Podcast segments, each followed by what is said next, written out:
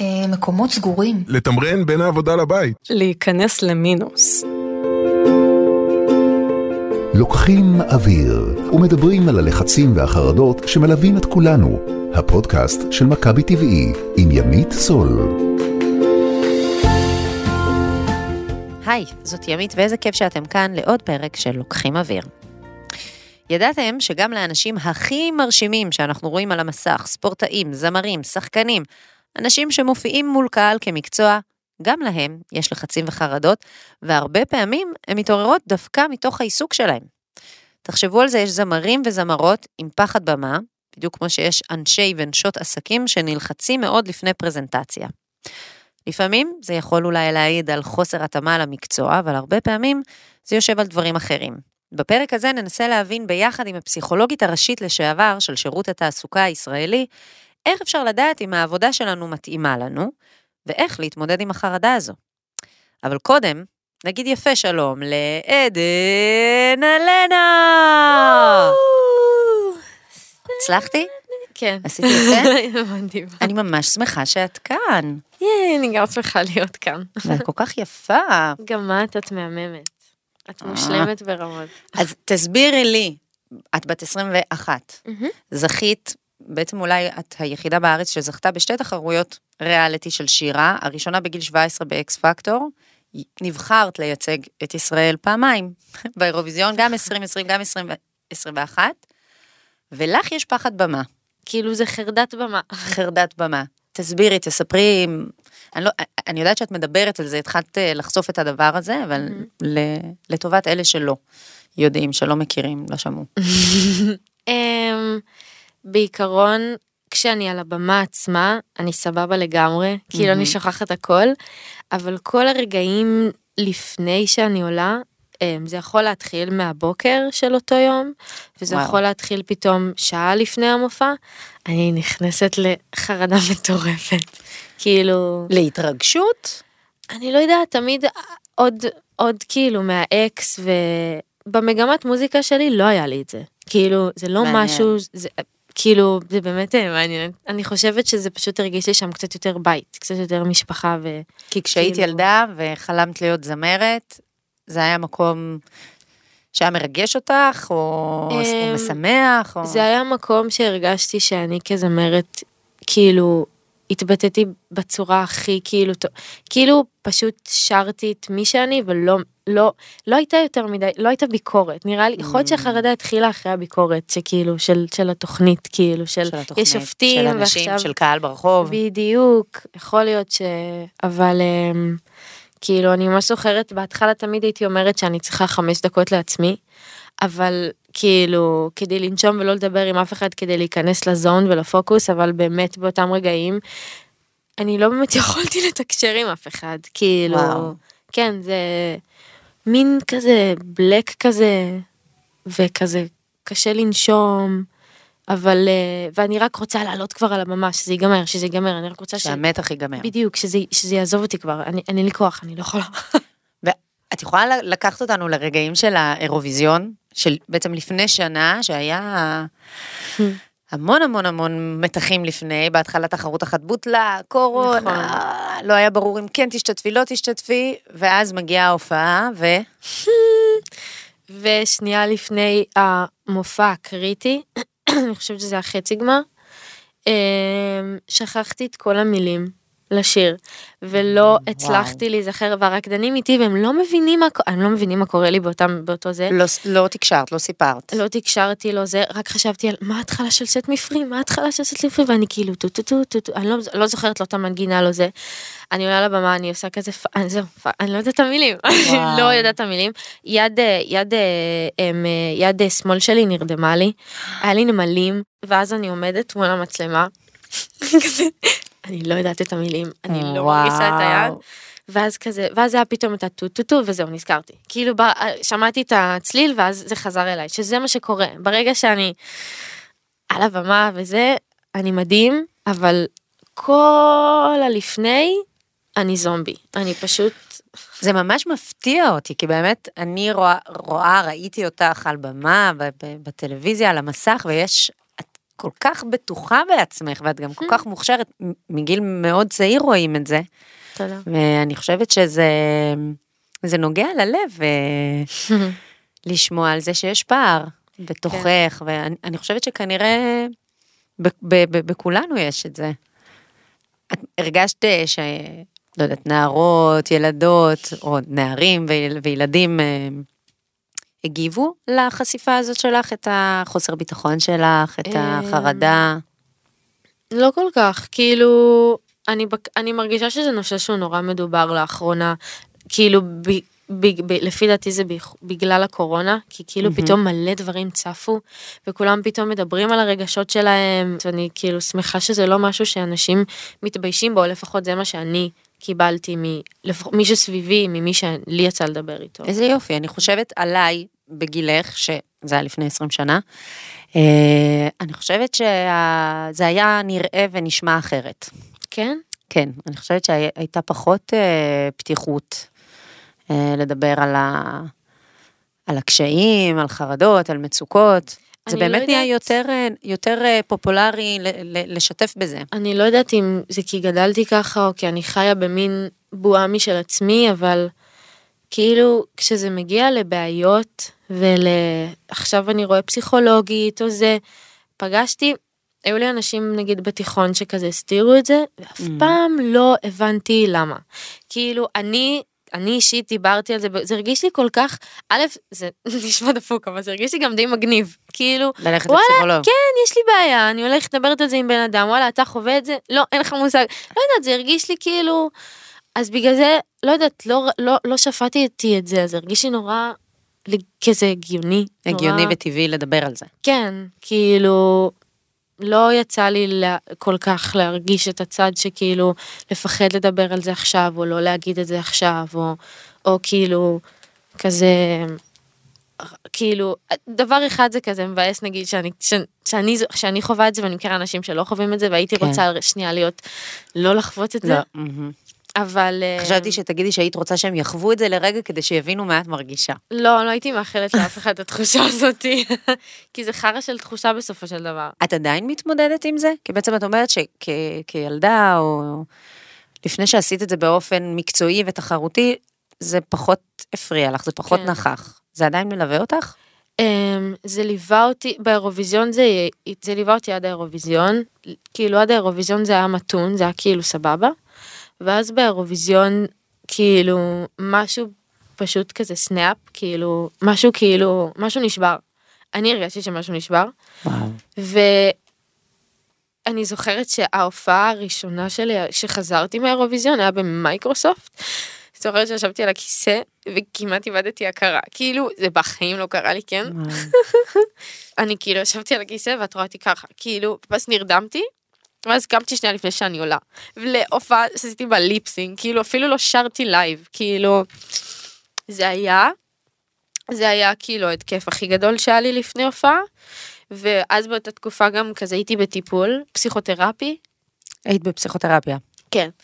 וזה עשה לי ממש טוב אז זה נגיד אחד מהדברים הראשונים שזה, להגיד רק נבהיר, כן טיפול פסיכולוגי. כן, זה עשה לי מדהים, זה גם משהו שנורא נורא עזר. הצלחתי לדבר איתו בצורה שנורא עזרה לי לפתור בסוף את, ה, את, את, ה, את הלחצים האלה, וזה באמת עשה לי מדהים. אז זה, זה נגיד דבר ראשון שאם מישהו מרגיש ככה, אז חייב ללכת לטיפול. לפי דעתי כל בן אדם צריך טיפול. כאילו, גם אם אתה לא מעורר בנפשך וזה, זה נחמד לבוא לשבת אבל ולדבר. אולי כולנו מעורערים קצת בנפשנו. כן, חד משמעית. אני יכולה, זה בסדר שאני אשאל אותך למה את אה, דומעת עכשיו? אה, כי אני תמיד דומעת, זה כאילו זה, זה חלק ממני, אני תמיד בוכה. אני גם, אני גם אומרת על עצמי שאני בכיינית, אבל אני חושבת על זה שאת מתארת את ה... נקרא לזה התקף חרדה הזה, או השיתוק הזה שהרגשת אה, בהופעה הזאת, שגם אולי באמת זה איזה רגע טראומטי של מצוקה, אבל אולי גם זה היה איזה רגע מכונן להבין, להבין משהו, זה המקצוע שלך בעצם. בדיוק. אה, המון פעמים חשבתי עם עצמי כזה, באותם רגעים, כאילו, זה שווה לי את זה? באמת. באמת, עלה לך סימן שאלה? עלה לי כי זה פשוט הגיע למצב שאני לא כאילו, ג'יזוס, אני מרגישה כל כך נורא, וכאילו, למה ש... למה, למה ש... לא, כאילו, למה שאני ארגיש כזה נורא? היה לי ממש קשה, היה לי כאילו... אבל... אה, אבל ברגע שזה עבר, אתה כזה, אתה מתעשת על עצמך פתאום, ואתה... ויש היי אחרי הופעות? היי כאילו זה- פסיכי, זה אז זה כאילו... שווה את זה? זה שווה את זה, בטח שזה שווה את זה, את רואה אותי כזה ככה, ואז כאילו, גם הכי מצחיק, אנשים מבקשים לצלם איתי לפני, ואני כאילו, לא לדבר איתי, לא זה, לא זה. אני מסיימת הופעה, אני מצטלמת עם כל הקהל, אני מדברת עם כולם, וכזה, את רואה את המנהלת שלי מושכת אותי, נו עדן, אנחנו חייבים ללכת, ואני כזה, לא, לא, אבל שנייה. כאילו, זה ה...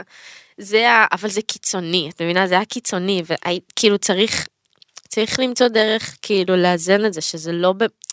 כאילו, אם זה, אם זה כדורים, אם זה נשימות, שהתחלתי לעשות נשימות לפני הופעות, מדהים. שזה מאוד מאוד עוזר.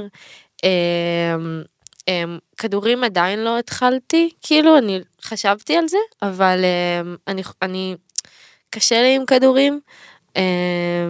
אה, אז כן, להרבה אנשים משום מה יש איזושהי סטיגמה על הדבר הזה, אבל אולי את מרגישה שאת כן מצליחה בכל זאת כן. לתפקד בסופו של דבר? בדיוק, אני מרגישה שכאילו, כזה, החיים זרקו עליי המון דברים והצלחתי להתמודד איתם, אז אני חושבת שגם עם זה אני יכולה להצליח להתמודד באמת בכוחות עצמי. פשוט אני צריכה חוסן נפשי יותר, כאילו, להיות יותר, כאילו, וגם להיות יותר נראה על לי זה שיש ברגע. לך המון חוסן נפשי, המון. תודה. אין- לי ספק בזה.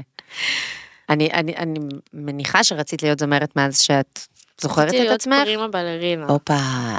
ואז אה, התחלתי לשיר והבנתי, הייתי טובה בלרקוד, כאילו בלט קלאסי הייתי מצוינת, אבל אז הבנתי שאני יותר טובה במוזיקה, כאילו. אבל הבמה היא הייתה שלך מאז שאת ילדה. כן, תמיד. אני מתה על במה, במה כבמה, אני מתה על זה. זה פשוט הקהל שמפריע. כן.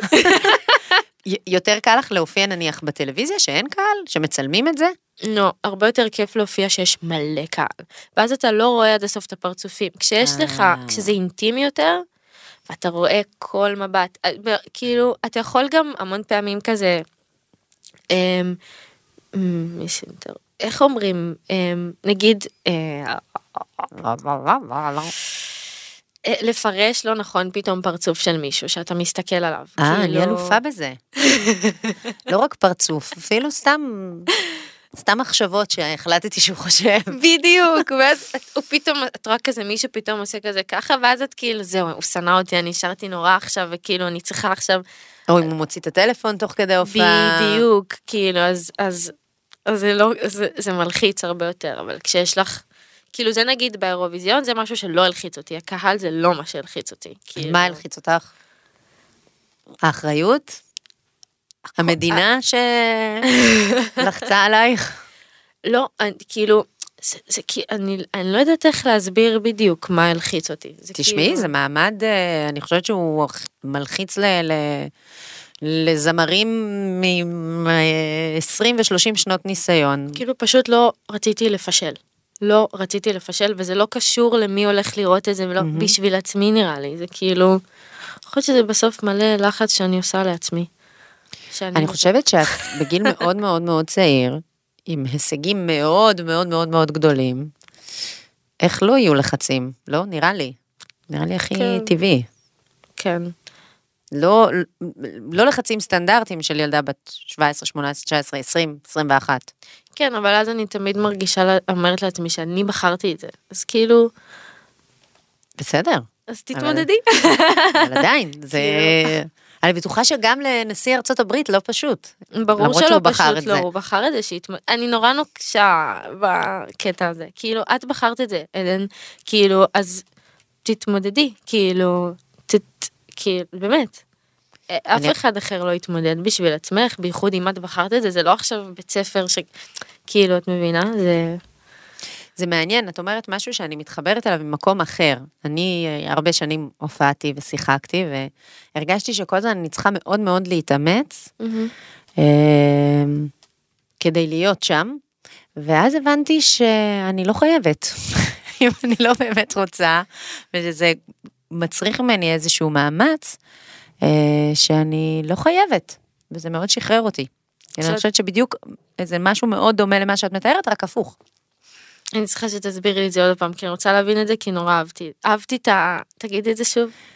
אני חושבת שאני מצאתי את עצמי אה, מתאמצת מאוד כדי להופיע, כדי ל- להיות בטלוויזיה, להתמודד עם המשמעויות של זה אחר כך, כדי לשחק, זה, זה הצריך ממני התמודדות נפשית, לא אה, טכנית ללמוד את הטקסט או לשחק. כן. זה הצריך ממני איזושהי התמודדות נפשית שכל הזמן הרגשתי שאני צריכה להתעלות על עצמי כדי להיכנס לתפקיד, כדי אה, להיות אה, ימית השחקנית או ימית המנחה או ימית המפורסמת.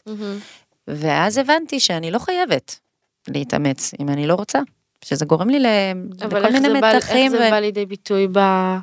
ב... כאילו ב... במה שאת עושה פרקטית? כי בסוף את כן ממשיכה להיות ימיתה, אבל איך, איך את הורדת את כל הצד, איך, כאילו, כי זה נורא... בהדרגה לאורך שנים. בהדרגה לאורך שנים. זה, זה היה איזשהו דיאלוג אה, שלי עם עצמי, עד כמה אה, נוח לי או לא נוח לי. אני חושבת שלהיות מפורסמת היה לי מאוד לא נוח, גם כי התפרסמתי מגיל מאוד מאוד צעיר, והתחושה שאנשים מדברים עליך, זה, זה פחות התאים לאישיות שלי. מהמם.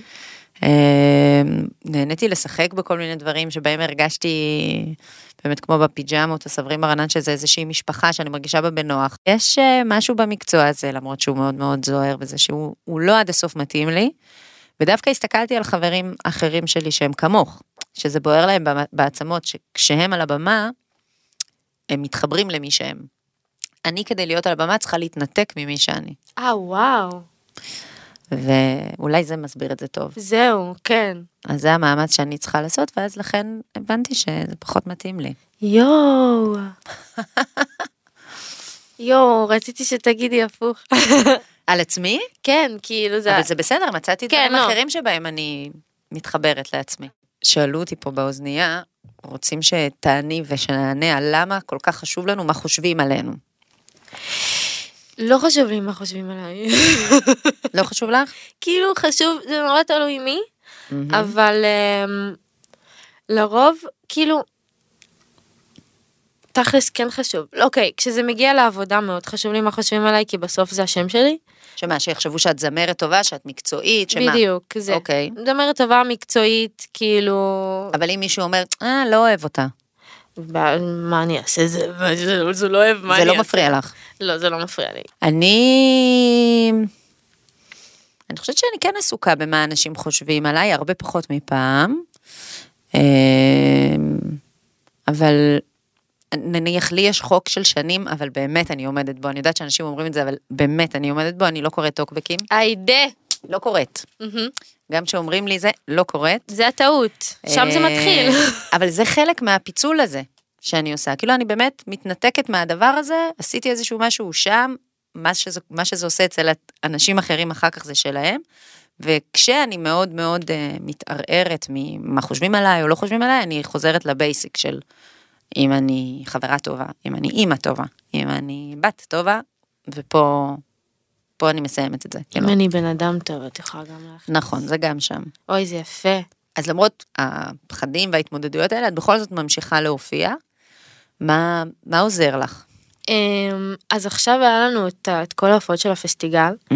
שזה ארבע הופעות ביום, כל יום, ואז יש לך יום- פעמיים ביום, זה כאילו היה אה, זה, זה מחנה אימונים. שלוש המערכות, איזה חודשיים, שלושה, וואו. כזה, הרבה אחרי חנוכה זה המשיך. אני, הגענו לפורים והייתי בטוחה שעדיין חנוכה. אז לחרדה אין לה זמן בכלל לבוא. אין לה שום דבר, אתה כאילו, היא רק נכנסת ואני כבר צריכה לעלות על הבמה. ולמזלי הייתי גם מספיק זמן, הייתי המון זמן על הבמה. איך את uh, מתמודדת עם החרדה, חוץ מבאמת איזושהי החמש דקות האלה שאת נכנסת לזון לפני ובסוף עולה על הבמה ואז זה מעביר את זה? אמ, ביום יום שלך, מה מרגיע לך? מה מרגיע אותך? את שומעת שירים? מוזיקה? אני לא אוהבת לשמוע שירים בחרדה, זה, זה טעות אצלי, כי אצלי אני, בגלל שאני כל כך, אני כשאני שרה מוזיקה, אני שרה את המילים. כאילו זה, זה, אני מתחברת למילים בצורה קיצונית, אז, אז זה מפעיל אותך מאוד. בדיוק, אני לא יכולה לשמוע משהו שמח, אני אהיה חייבת לשמוע כאילו משהו עצוב, ואז אני, פשוט אני תבכי עם זה. כן, ולא בא לי, לא בא לי להיכנס לשם, בא לי כאילו, אז אני רואה אנימה, רק אני, אני פשוט מכניסה לי מלא, כמה שיותר שם- סדרות. מה זה, זה סדרות אה, אנימציה יפנית? אנימציה יפנית, כן. אז טיפ קצר למאזינים שלנו. אמ, הטיפ שלי יהיה um, לא לפחד לדבר על זה אם אתם ב- מרגישים שכאילו, או להתבייש מזה, או כאילו, ו... אה, ומשהו שמישהי אמרה לי, מהמם. um, שזה כשהחרדה מגיעה, אז לא לעצור אותה, כי, כי בסוף היא תעבור, היא עוברת, היא תמיד עוברת. זה יכול לקחת חמש דקות, זה יכול לקחת חצי שעה, זה יכול להיות יום שלם, בסוף היא עוברת, אז באמת, אם אפשר לנסות לנשום אותה, אז לנשום אותה, אבל לת, לתת לה להיות, לא, כן. לא, בסוף ה, מה שכאילו הופך את זה לנורא זה זה שאנחנו מתנגדים לזה ולא נותנים לזה, ו, ופשוט לתת לזה, כאילו הכל בסדר, הכל נראה נוראי, אני חושבת שזה טיפ מאוד מאוד בסדר. מאוד חשוב. זה גם כן. באמת אה, נכון ונבדק שבאמת חרדה, האמת כל רגש עובר. לת- גם בדיוק. הרגשות הטובים, כן. לצערנו. אבל חרדה עוברת. כן. עדן, תודה רבה רבה רבה שבאת לכאן. Thank you. אני חושבת שהדברים של עדן יכולים ללמד אותנו הרבה על הכוח שיש בלדבר על הדברים ולהוציא החוצה. האמת שמה שעדן מתמודדת איתו רלוונטי להרבה מאוד אנשים בכל המקצועות. מי מאיתנו למשל לא נכנס לבלקאוט בעבודה בדיוק ברגע הכי חשוב, ממש במאני טיים. אז למה זה קורה? אבל רגע לפני שנדבר עם פסיכולוגית תעסוקתית על הנושא הזה, בואו נקבל עוד מושג על הטבע שלנו. מושג טבעי, מושג אחד שכדאי להכיר על הטבע שלנו, והפעם blackout. Blackout, או בעברית חישכון, הוא מצב שבו אדם נמצא בשכחה רגעית, המשויכת לעתים אף לאובדן הכרה קצר.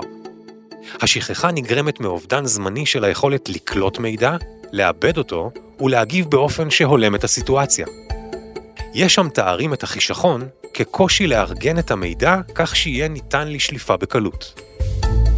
blackout יכול להיגרם כאשר חשים מתח נפשי, לחץ או חרדה, וכן עשוי להופיע אצל אנשים הסובלים מהפרעות קשב וריכוז כאשר הם נחשפים להסחת דעת. גם אנשים הסובלים מפוביות יכולים לחוות חישכון כאשר הם עומדים מול הגורם הנתפס בעיניהם כמאיים. גורם נוסף לחישכון הוא multitasking, ריבוי משימות בעצימות גבוהה. זה היה מושג טבעי. אנחנו לומדים פה כל פעם דברים חדשים בפודקאסט. ועכשיו נאמר שלום לאורלי צדוק, מדריכה ראשית של תחום הפסיכולוגיה התעסוקתית בג'וינט ופסיכולוגית ראשית לשעבר בשירות התעסוקה הישראלי. שלום. היי, נעים מאוד. נעים מאוד, איזה כיף שבאת אלינו. גם לי כיף. אז אני, אני רוצה דבר ראשון לשאול אותך, מה היית מייעצת לאדם שיש לו חרדה מהעבודה שלו? וואו. נכון? התחלתי ישר, התחלתי מה בבום. שנקרא, ישר אה, לעניין. אה, אז חרדה ופחד זה דברים קודם כל שיש לכולנו, אז, אז נכון. לפני שהייתי מייעצת, הייתי מבררת אה, אה, כמה, את העוצמה של החרדה, סביב מה היא עולה, האם זה חרדה, האם זה פחד. קודם כל, פחד זה, זה תגובה טובה, זו תגובה שמגינה עלינו. אנחנו מהמם. מכירים את המושג הזה FFF, fight, flight או freeze, כלומר נכון. שיש לנו סכנה, אנחנו באופן טבעי מגיבים לסכנה הזאת, וזה הישרדותי, זה דבר טוב. אז או שאנחנו תוקפים, או שאנחנו הולכים, או שאומרים, הגירוי הזה קטן עליי, אני הולכת לכבוש את זה בגדול, או שאני באמת בורחת כי זה גדול ממני וחזק ממני, או שזה freeze, שזה ההתנגשות הזאת בין ה fight לבין ה flight. אז שוב, הייתי מבררת האם זה חרדה כזאת כוללת, וכל דבר, וכמעט כל דבר הוא טריגר ומעורר את החרדה שלי, ואז כבר זה... ואז אולי זה, לא עבודה בדיוק, בשבילי? בדיוק, ואז זה כבר צריך משהו, טיפול אחר, ויכול להיות שזה דברים מאוד מאוד ספציפיים בעבודה. כלומר, למשל יכול להיות שזה רק, אני מאוד בטוחה שאני יודעת לעשות את העבודה שלי טוב, אבל הרעיון, על לעבור את הרעיון, זה מאוד מפחיד אותי, או קל לי דווקא מאוד לעבור רעיונות, אני יוצר קשר טוב, אבל כשמתחילה עבודה, הכל מציף אותי והכל בבלגן, ואני לא יודעת ממה להתחיל, ואני חוששת מההתחלה של העבודה, או אני חוששת מלבקש אה, שכר או קידום. כבר כן. הייתי מבררת סביב מה, סביב מה יש חרדה, סביב מה יש פחד, ואם זה באמת נקודתי, אפשר, אפשר לטפל בזה, כי הרבה פעמים מה שקורה סביב זה, זה אמונות לא רציונליות, שגורמות לי לפחד זה. בהנחה שאני הולכת למקומות שכן מתאימים לי וכן נכונים לי, איך זה שבאמת עבודה מלבד הפן הכלכלי, או קריירה נקרא לזה, היא מעוררת בנו כל כך הרבה סטרס או לחץ. וואו, כמעט אין הרי דבר שלא נוגע בעבודה שלנו. פרויד אמר, נכון, מה מגדיר בכלל בן אדם אה, נורמלי, בן אדם תקין, זה בן אדם אהבה ועבודה. ואני חושבת שזה, כי אנחנו גם אוהבים את העבודה, זאת אומרת, זה, נכון. אהבה היא גם בתוך העבודה, אוהבים אותה, שונאים אותה, מצפים ממנה, מתאכזבים ממנה. זה תופס חלק עצום מתוך החיים שלנו. אפילו בטח ברמה הטכנית של שעות. א', ברמה הטכנית של שעות, ב', שאנחנו באמת היינו פעם אולי חלק מש, משבטים וקבוצות ו, ו, ו, ומשפחות, והדברים האלה נעשו קצת יותר חלשים, אולי לצערנו, ב, ב, כן. בעולם המודרני. אז זה חלק, זה לא פלא שהעבודה נוגעת גם בפרנסה שלנו, גם בתחושת הייעוד והמשמעות שלנו, גם בשייכות החברתית שלנו, גם בסטטוס שלנו, גם בצורך שלנו לגדול ולהתפתח. כאילו אין דבר שזה כמעט עבודה נכון, לא בערך במקום הזה, שלנו, בערך העצמי טובים, לא שלנו. בציפיות המשפחתיות שלנו, הסביבתיות שלנו, זה נוגע כמעט בכל דבר. וואו, כמה לחץ יש עלינו. ממש, אנחנו נורא מסכנים, תאמין. ממש מלחיץ. זה. זה באמת מלחיץ, ובייחוד אה, בהתחלה, שאני רוצה לתפוס את המקום, ואני רוצה לגדול, ואני רוצה להגשים את עצמי, והיום העולם כל כך נפתח, יש כל כך הרבה אפשרויות, פעם היו כמה מקצועות, או שאני גומר תיכון, או שאני גומר תואר, בזה זה נגמר. כן. יש כל כך הרבה אפשרויות, וקורסים, ו- ולהיות עצמאים, ולהיות פרילנסים, ולהיות בתוך ארגון, והכל זז, והכל משתנה, והכל נפתח ונסגר, וזה באמת, האי-ודאות הזאת והשינויים, שמים עלינו הרבה לחץ, אנחנו באמת עדים שבשנים האחרונות, ובטח אחרי כל תקופת הק- הקורונה, שאנחנו כן, יודעים שהיא מאוד כן. מאוד ערערה ושינתה לגמרי את שוק העבודה, יש הרבה יותר פחדים והרבה יותר חרדות, שאפשר להבין את זה. אם אין לנו יציבות, אין לנו קביעות, אין לנו ביטחון, בטח שזה מפחיד. והשאלה איך אנחנו מתמודדים ומכילים את זה ומבינים שהסיטואציה של עולם העבודה באמת השתנתה. את יודעת מה אני אשאל מצ- אותך עכשיו. אז לא. את אומרת, איך אנחנו מתמודדים? אז אני אשאל אותך, איך? אז באמת, מעבר לכל מיני גורמים אחרים של פנימיים של חרדה שאפשר לטפל בהם, איך אנחנו יכולים להכין את עצמנו, או לעזור לנו להתמודד בסיטואציות כאלה של קריירה, של אה, מקומות עבודה? שאלה מצוינת ויש עליה תשובה. אז קודם כל, אני חושבת שזו עמדה בסיסית. להבין, לא, אני לא בסדר, רק אותי מפטרים, רק אני מרגיש אה, חוסר יציבות, רק אותי אה, כל כמה חודשים אני בעבודה אחרת. להגיד, זה המצב. סבתא שלי הייתה אומרת, אנחנו במצב, זה במצב, צריך להתמודד, וזה לא קשור אליי. אני לא עשיתי את הקורונה, אני לא עשיתי את המלחמות, אני לא עשיתי את השינויים. זה, אני חיה בסיטואציה שזה המצב. אז קודם כל, קבלה והבנה שזה לא אישי. הדבר השני... לא, אבל רגע, לפני הדבר כן. השני, אבל אם אני אגיד לך, לא יודעת, זה כן אני, קשה לי לעשות, אה, לא יודעת מה, מבחנים בקבלה לעבודה. אוקיי. אז ההבנה, ההבנה, זאת אומרת, זה המצב. יש עכשיו, מבחן שאני. צריכה לעשות. זה המצב, בוא נראה איך את מתמודדת עם זה, בוא נראה מה קשה לך, בוא נראה מה קל לך. אולי יש מקומות שלא דורשים מבחנים, בוא נראה למה קשה לך להת- להתמודד עם מבחנים האלה. שוב, הנחת העבודה שאת כן מתאימה לתפקיד הזה, אם את הולכת לתפקידים או, ל, או לעיסוקים שלא מתאימים לך, בואי באמת, את לא יודעת מה, רוצה להיות. בהייטק, זה לא זה, בוא נראה מה, מה את אוהבת, למה את באמת מתחברת. אבל בהנחת העבודה שאת הולכת למשהו שבאמת מתאים לך, באמת נכון, והמכשול הוא רק המבחן עצמו, אנחנו נבדוק. והרבה פעמים זה אמונות שבכלל לא קשורות לדבר עצמו, אלא לאיזו היסטוריה או משהו שאת מביאה, לפעמים אפילו עברות בין דוריות, שמשפיעות כמו אמירה, אני לא יכולה להתמודד עם שום מבחן במחשב, אני לא יכולה עם שאלות על, ה, על אה, ההצלחות שלי, אני לא מסוגלת להגיד שום דבר, כי, כי זה לא צנוע בעיניי. אז אוקיי. בוא נבדוק את האמונה הזאת ובוא נפרק אותה ובוא נראה אולי, אולי אם תגידי לעצמך, אני לא משוויצה פה, אני רק מספרת על הדברים שאני באמת יודעת לעשות, אז זה משהו אחד. הדבר השני, כן. זה מה שנקרא בעולם אה, היום, מדברים על מיומנויות רכות, אחר כך דיברו על מיומנויות הכרחיות, עכשיו מדברים על מיומנויות ניתנות להעברה. מה זה אומר? שכל עיסוק מורכב מהמקצוע, את מראיינת, את צריכה לדעת לראיין, אני פסיכולוגית תעסוקתית, אני צריכה לדעת אה, לייעץ ולטפל באופן תעסוקתי. אז יש מיומנויות שקשורות לעולם העבודה שאנחנו צריכים לדעת, אבל מעבר לזה, יש מה שנקרא מיומנויות כלליות, שהן ניתנות להעברה, שאני אצטרך לבצע אותן במקום העבודה הזה, במקום עבודה אחר, וגם אם אני אפילו אעשה הסבה מקצועית, ונגיד במקום פסיכולוגית אני אהיה מנהלת כוח אדם, עדיין צריך את הכישורים ואת היכולות האלה. והם רבים, כלומר, הכישורים אני צריכה להאמין בעצמי, היכולת למידה שנעשתה דבר מאוד מאוד הכרחי, כמעט ברמה יומיומית אני צריכה ללמוד דברים חדשים, היכולת לעשות נטוורקינג, היכולת לשלוט בשפה חדשה, בטכנולוגיה, באנגלית, היכולת אה, למקם את עצמי, לעשות משא ומתן, לעבוד בצוות, לעבוד לבד, לנהל את הזמן שלי. אה, יש המון מיומנויות שאנחנו צריכים אותן כמעט בכל מקום עבודה, וחשוב לפתח אותן. וחשוב ללמוד אותם, וחשוב להתנסות בהם מעבר למקצוע שאני, שאני עוסקת. ואחד הדברים שקורים אה, בפסיכולוגיה תעסוקתית, זה בדיוק ההבנה הזאת, ההבנה של אה, לאבחן איזה כישורים יש לי, איזה יכולות, איזה עוד דברים אני צריכה לפתח, איך, איך אני אה, מחזק את המסוגלות העצמית שלי, איך אני מכוון את עצמי למקומות המדויקים, העניין, כן. יש את העניין של הזהות התעסוקתית, מה הכישורים שלי, מה הנטיות שלי, מה הערכים שלי, איך אני מכוונת אותי למקום המדויק, כי שם יהיה לי יותר כוח, יהיה לי יותר מוטיבציה, אני יכולה יותר להצליח אם המקום מדויק לי מבחינה שוב ערכית, כישורים אה, ויכולות. לפעמים, לפעמים דעת יכולים- לבד, לפעמים כן. צריכה עזרה מקצועית לדבר הזה. ככה אפשר גם לדעת אם מקצוע הוא מתאים לי או לא מתאים לי. לגמרי, לגמרי.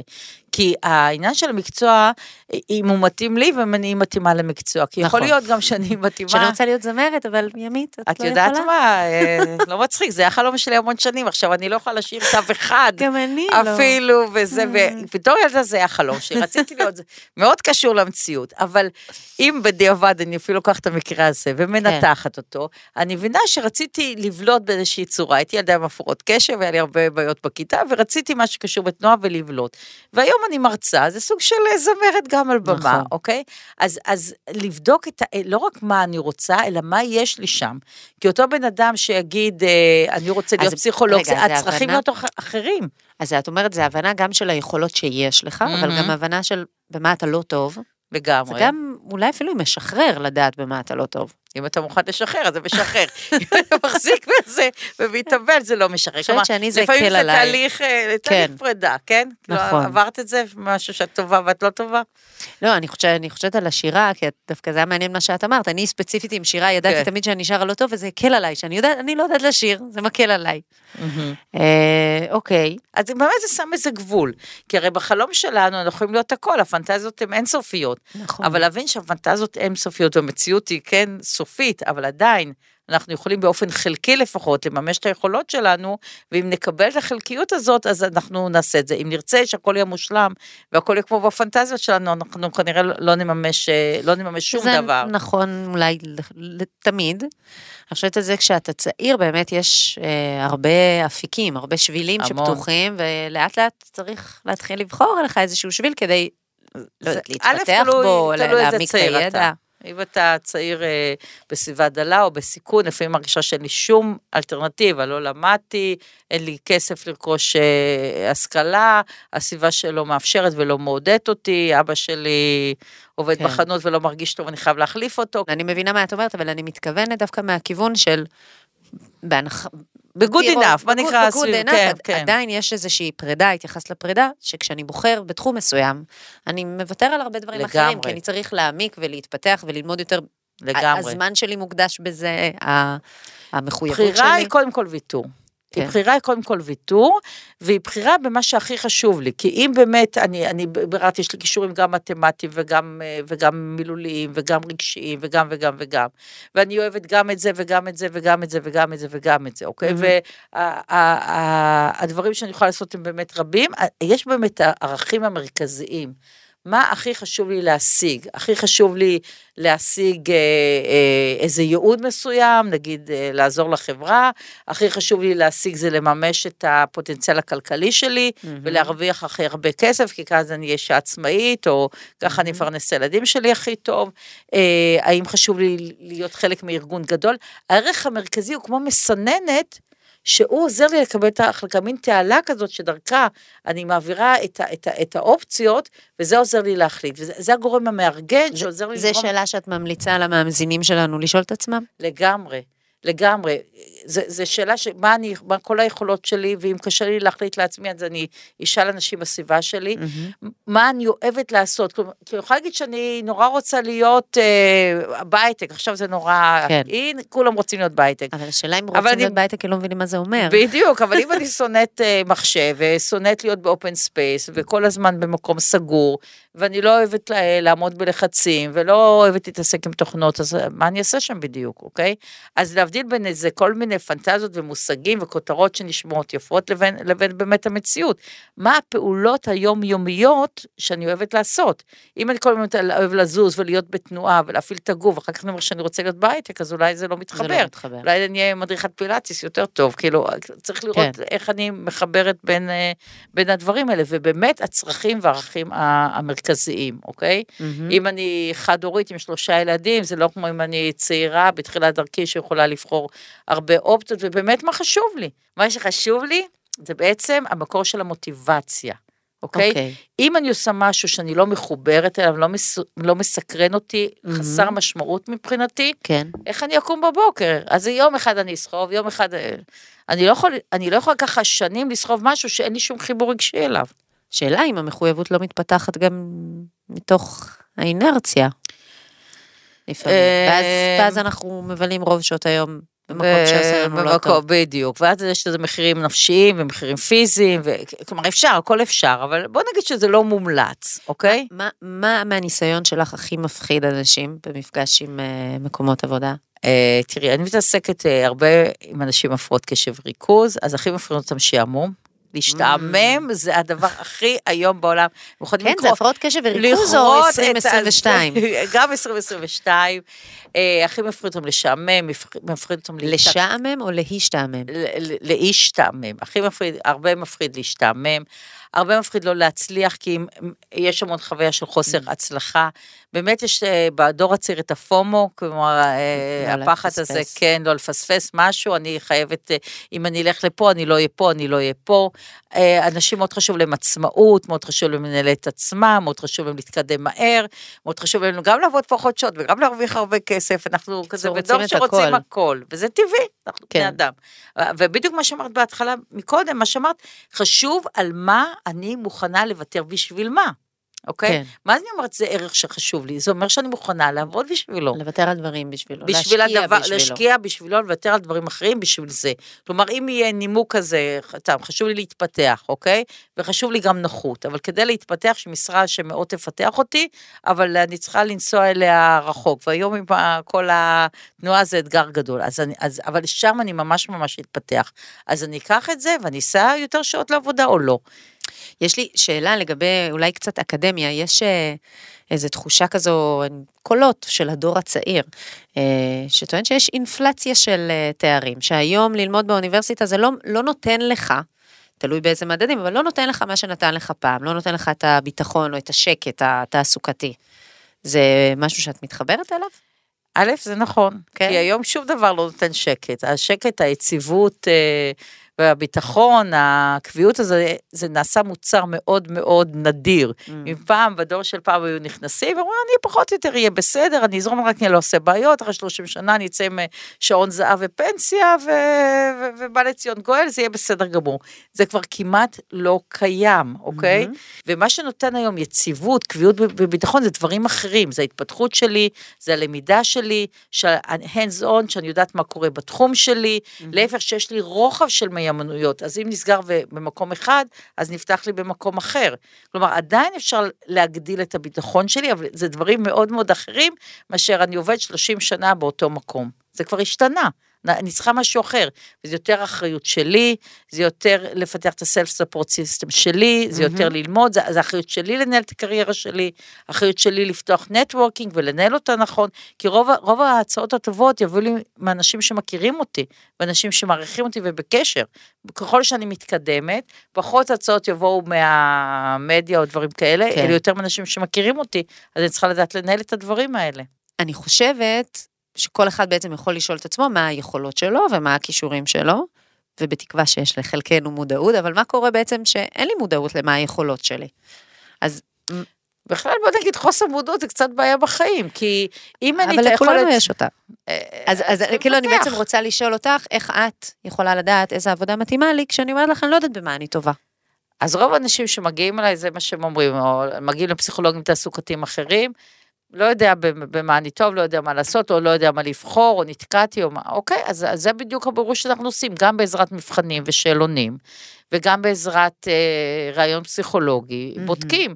מה אתה טוב, מה אתה נהנה לעשות, מה זה מבחנים ערכים. ושאלונים? איזה מבחנים אז עושים? יש, התחום של אבחון תעסוקתי זה תחום מאוד מאוד מפותח, אה, פותחים כישורים, כישורים טכניים, כישורים מילוליים, כישורים מתמטיים, שפות, אנגלית, חשיבה, מילוי הוראות, יחס מהמם. לפרטים, ריכוז, או. יש המון מבחנים, אה, קשב, אה, המון המון מבחנים. עברת את האבחון הזה, אתה כבר לא מפחד רגע, אבל רק ממבחנים. זה, רק זה. יש מבחני נטיות ששואלים מה אני אוהב לעשות, גם אה. כתחביב, גם, גם כפעילות, גם כמקצוע, איזה מקצועות מעניינים אותי. יש שאלון לגבי ערכים וצרכים, מה חשוב לי בעבודה, יש המון שאלוני אישיות, שאלונים של דיווח עצמי, שאלונים השלכתיים.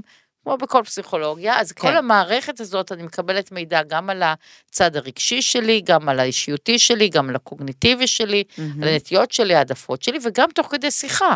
איזה משפחה גדלת? מה הערכים כן. במשפחה שלך? זה אחרת להגיד שאני רוצה להיות פרופסור באוניברסיטה עם כל המשפחה שלי פרופסורים, או כולם או- היו, אה, לא יודעת מה... או, אה, אני הראשונה שהולכת ללמוד. אני הראשונה שהולכת ללמוד באקדמיה, המשמעות הפנימית שהיא היא מאוד מאוד אה, שונה. כן. הביטחון שלי ביכולות שלי, ההיסטוריה שלי, עם איזה מטען אני באה לתוך ההחלטה הזאת. כל הדברים האלה מאוד מאוד משפיעים, אוקיי? כאילו העב- העבר שלנו גם נכנס בתוך אה, אה. התפיסה שלנו על עבודה. בגדול, בגדול, העבר שלנו, העבר המשפחתי שלנו, המשברים שהיו במשפחה. אם במשפחה שלי היו נגיד הרבה מאוד עצמאים ורובם פשטו את הרגל, כן. זה מאוד יפחיד אותי שאני ארצה לפתוח אה, עסק. עסק, עסק. מהמם. ו- וזה מאוד משנה, הרי אם אני הולכת למקום שהוא מתאים לי, הסיכוי שלי להצליח הוא הרבה יותר גדול. וגם מבחינת שביעות רצון ומבחינת הרבה דברים. בוא נעשה רגע סיכום של הדברים המאוד מעניינים והחשובים שאמרת. אז אולי הראשון זה שעבודה זה דבר מאוד חשוב, חלק מאוד מרכזי בחיים. שלנו. אה, וכדאי שאנחנו נמצא עבודה והוא לא שמתאימה מקבל לנו. את תשומת הלב, תחשבי כמה פודקאסטים והרצאות וזה כן. יש על הורות, נכון, ועל, ועל זוגיות, נכון. ועל dating, ועל מה שאת רוצה, אבל עבודה כאילו זה לא מעניין, ו- ורוב היום הדבר- אנחנו שם. רוב היום אנחנו שם. אז לחשוב משהו שבאמת, למצוא משהו שבאמת מתאים, מתאים אלינו ביכולות שלנו וגם בערכים שלנו. אה, זה חשוב. זה חשוב. זה, מאוד, זה מאוד תורם לאיכות החיים שלנו, כי אם אנחנו נמצאים ברמה יומיומית, במקום שעושה לנו שחיקה, ו- כן. ופוגעני מבחינתנו, ולא נכון לנו, זה משפיע על הכל. על המצב רוח שלנו, על הבריאות בטח. הפיזית, הנפשית שלנו, על הדרך, ש... על, ה... על היחסים שלנו עם הסביבה, זה יקרין על כל דבר. אז שווה להשקיע בזה. אורלי צדוק, תודה רבה לך. תודה רבה, ותודה שהזמנתם אותי. שיתפת אותנו במידע שאני חושבת שהוא יכול להיות מאוד משמעותי להרבה אנשים ובשאלות שכל אחד כדאי שישאל את עצמו. תודה. תודה רבה. וזהו חברים, סיימנו. בפרק הבא נדבר על השפעת הטבע, על מצב הרוח שלנו, וננסה למשל להבין למה אנחנו הולכים לים להירגע, והאם זה באמת עובד. את הפודקאסט לוקחים אוויר אתם יכולים למצוא בפלטפורמה שאתם מאזינים בה עכשיו, ספוטיפיי, גוגל פודקאסט, אפל פודקאסט ובכל פלטפורמות הפודקאסטים. כדי להתעדכן על יציאת הפרק הבא בעוד שבועיים, לחצו מעקב. להתראות. כל התכנים בשירות זה אינם מהווים חלופה להתייעצות עם גורם רפואי מוסמך, ובכל מקרה או בעיה פרטניים יש לפנות לגורם מטפל. הוקלט באולפני אדיו, המשווקת את ספוטיפיי בישראל.